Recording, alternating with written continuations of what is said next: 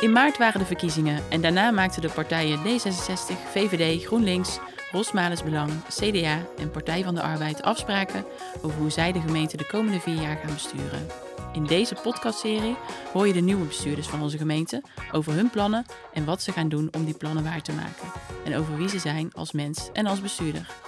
In deze aflevering hoor je Pieter Paul Slikker van Partij van de Arbeid. Goeiedag, Pieter Paul. Hoi. Wie ben jij als persoon? Nou ja, eerste. eh, je zei het al, Pieter Paul, eh, 41 alweer. Eh, luisteraars zouden me kunnen kennen omdat ik al een jaartje of acht in de gemeenteraad zit en de afgelopen periode als fractievoorzitter van eh, de PvdA. Eh, en ik strijd in het dagelijks leven voorheen als, eh, als pleitbezorger voor hogere tarieven van pakketbezorgers. Dus daar kom ik ook nog wel eens voor langs. Eh, ik woon samen met mijn vriendin, eh Kaftar, en haar dochter eh Kahin met eh, onze obese luie kat.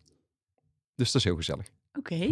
en nou ga je de komende vier jaar onze stad besturen. Wat voor bestuurder ga jij zijn? Nou, geen ouderwets type Mhm. eh, bestuurder, eh, gok ik. Ik hou van benaderbare eh, politiek, eh, menselijk bestuur, dichtbij, elkaar kunnen aanraken, voelen waar de problemen zitten.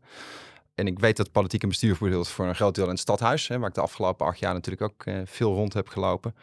Maar het gebeurt bovenal in de samenleving, waar je de problemen naar boven moet halen. De mensen moet proberen zien te spreken die niet altijd het achterste van hun tong laten zien. Eh, een van de dingen die in mijn portefeuille straks terugkomt is bestuurlijke vernieuwing. Is een van de dingen die ik erg belangrijk vind, is eh, waar al jarenlang op gewezen wordt in, in de stand van onze parlementaire democratie, is dat eh, we hebben een groep burgers hoog opgeleid, goed verdienend, die over het algemeen de weg naar het stadhuis prima weten te vinden. Maar er is ook een steeds grotere groep mensen met met name een praktische opleiding en een wat lager inkomen in een slechte huurwoning, die een beetje afhaakt bij politiek en bestuur. Die groepen weer bijhalen is wel een van de hoofdopdrachten en van dit college, maar waar ik me persoonlijk ook zeer verbonden mee voel. En als je nou doorkijkt naar die vier jaar, hoe ga je dat dan doen? Want het klinkt natuurlijk heel mooi, maar wat gaan we daarvan merken? Het mooie van dit college is het een jong en ambitieus eh, team. We zijn met eh, zes partijen. En dat kan eh, grijze massa worden als je vooral elkaar vast gaat houden op wat je allemaal niet van elkaar wil. Maar het kan ook heel veel energie geven als je beet pakt waar je denkt, hier kunnen we elkaar versterken en in deze ambities vinden we elkaar. Dat is heel goed gelukt. Eh, dus we hebben een ambitieus programma eh, op het gebied van wonen, meer betaalbare woningbouw, maar ook die klimaatopgave redden. Eh, de ongelijkheid terugdringen, economische slagkracht voor de stad voor elkaar boksen. Dus er zit een team wat aan de bak wil met een ambitieus programma en ook met die ambitie om dat dichter bij mensen te doen en samen met die samenleving. Dus daar gaan we de komende vier jaar hard aan werken. Ik mag de portefeuille wonen, zorg en bestuurlijke vernieuwing doen. Wat mij betreft prachtportefeuille. Want we wonen echt wel in het, in het kern van het maatschappelijk debat. Hoe zorgen we er nou voor dat de komende jaren meer betaalbare woningen realiseren? Eh, we gaan het voor elkaar boksen om de komende vier jaar 55% betaalbaar te realiseren. In de periode daarna tot 2030 zelfs 70%. Nou, dat moet ook wel echt voelbaar zijn bij mensen thuis. In combinatie met eh, bewoningsplicht voor, eh, voor mensen die een huis kopen. En ook in de landelijke maatregelen die, eh, eh, die eraan komen om, eh, om huisjesmelkers de pas af te snijden. Moet het ook gewoon in een stad als Den Bosch de komende jaren zichtbaar worden dat betaalbaar wonen langzaamaan en nooit in één keer voor steeds meer mensen is weggelegd. En dat we dat ook samen met die stad voor elkaar proberen te boksen. En je noemde eh, nog meer onderdelen van je portefeuille zojuist. Kun je daar ook wat meer over vertellen?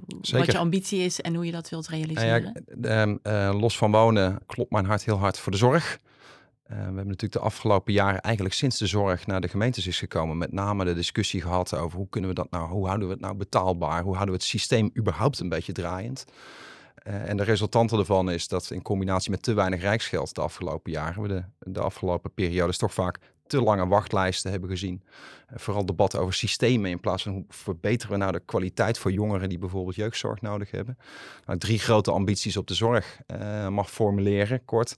Dan zou het één, dat terugdringen van die wachtlijsten zijn. Het goede personeel wat we hier in de stad hebben, wat daaraan moet trekken. Twee, zorgen dat jongeren in de jeugdzorg, die nu heel snel in instellingszorg eigenlijk relatief terechtkomen eh, in Nederland en ook in Zettergenbos, dat we daar eh, in samenspraak met mijn eh, collega-wethouder Oefu Kachia positieve gezondheid veel meer voorzieningen voor op wijkniveau bouwen, waardoor je er A, minder snel in terechtkomt. En twee, als het toch thuis niet gaat, dat je niet per se in zo'n instelling terecht moet komen, dat we ook gewoon meer gezinsgebonden zorg eh, maken. Pleeggezinnen, gezinshuizen, waardoor je veel meer in een normale setting opgroeit, in plaats van met 50 jongeren met veel problemen bij elkaar in een instelling weggestopt. Eh, en daarnaast eentje die me ook eh, sterk motiveert. We hebben een hele hoop steengoede zorgaanbieders uh, en medewerkers daarvan in de stad. Uh, maar we zien ook overal in Nederland dat er ook een groep ondernemers zich, uh, zich mengt in de zorg. Die het niet zozeer doet om mensen te helpen, maar echt om geld te verdienen. die zorgcowboys genoemd worden. dat stevig aanpakken en zorgen dat die er niet tussen komen, is ook wel een opdracht die er de komende jaren stevig bij hoort, wat mij betreft. En dat ga je vast niet alleen doen. Zeker niet. Uh, kun je iets vertellen over hoe je dat wilt realiseren en vooral ook met wie? Met wat voor organisaties, misschien wel andere bestuurders? Nou ja, kijk, de, de, de wereld is behoorlijk ingewikkeld op het gebied van wonen en op het gebied van zorg. Dus er zijn tal van spelers waarmee het samen mm. moet doen. Mhm. Ik vind het belangrijkste dat we mensen zelf, die, die gebruik maken bijvoorbeeld van de zorg, dat we die er ook meer bij betrekken. Als je in een beschermd wonenprogramma zit of in de jeugdzorg, of je uh, maakt gebruik van huishoudelijke hulp, en eh, dan weet je donders goed wat er goed gaat en wat er niet goed gaat. Nou, die stemmen horen vind ik veel belangrijk. Dat gaat deels natuurlijk gewoon via cliëntenraden en dingen, maar ook in rechtstreeks contact dat opzoeken. De medewerkers die het voor een geld moeten doen, die uh, ook donders goed weten waar de problemen in hun sector zitten, waar ze veel te veel tijd verliezen en meer armslag uh, zouden willen.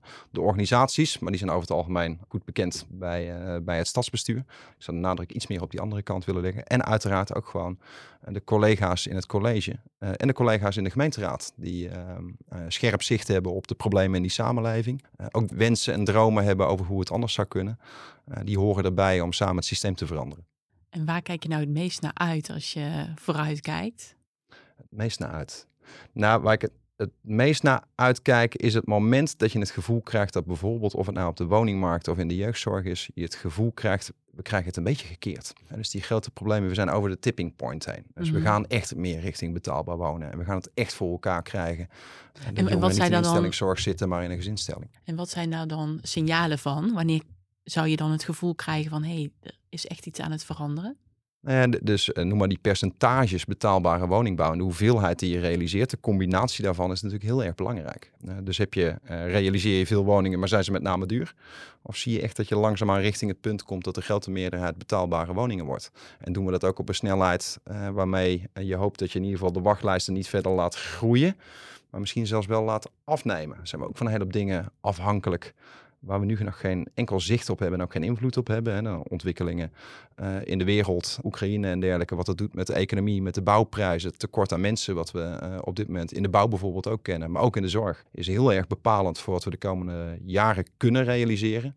Dus laten we ook hopen dat dat allemaal een beetje meevalt, dat we de meters kunnen maken die we in dit college met elkaar afgesproken hebben. Oké, okay. dankjewel Pieter Paul. Heel graag gedaan. Je leest meer over het bestuursakkoord via www.s-hertogenbos.nl bestuursakkoord.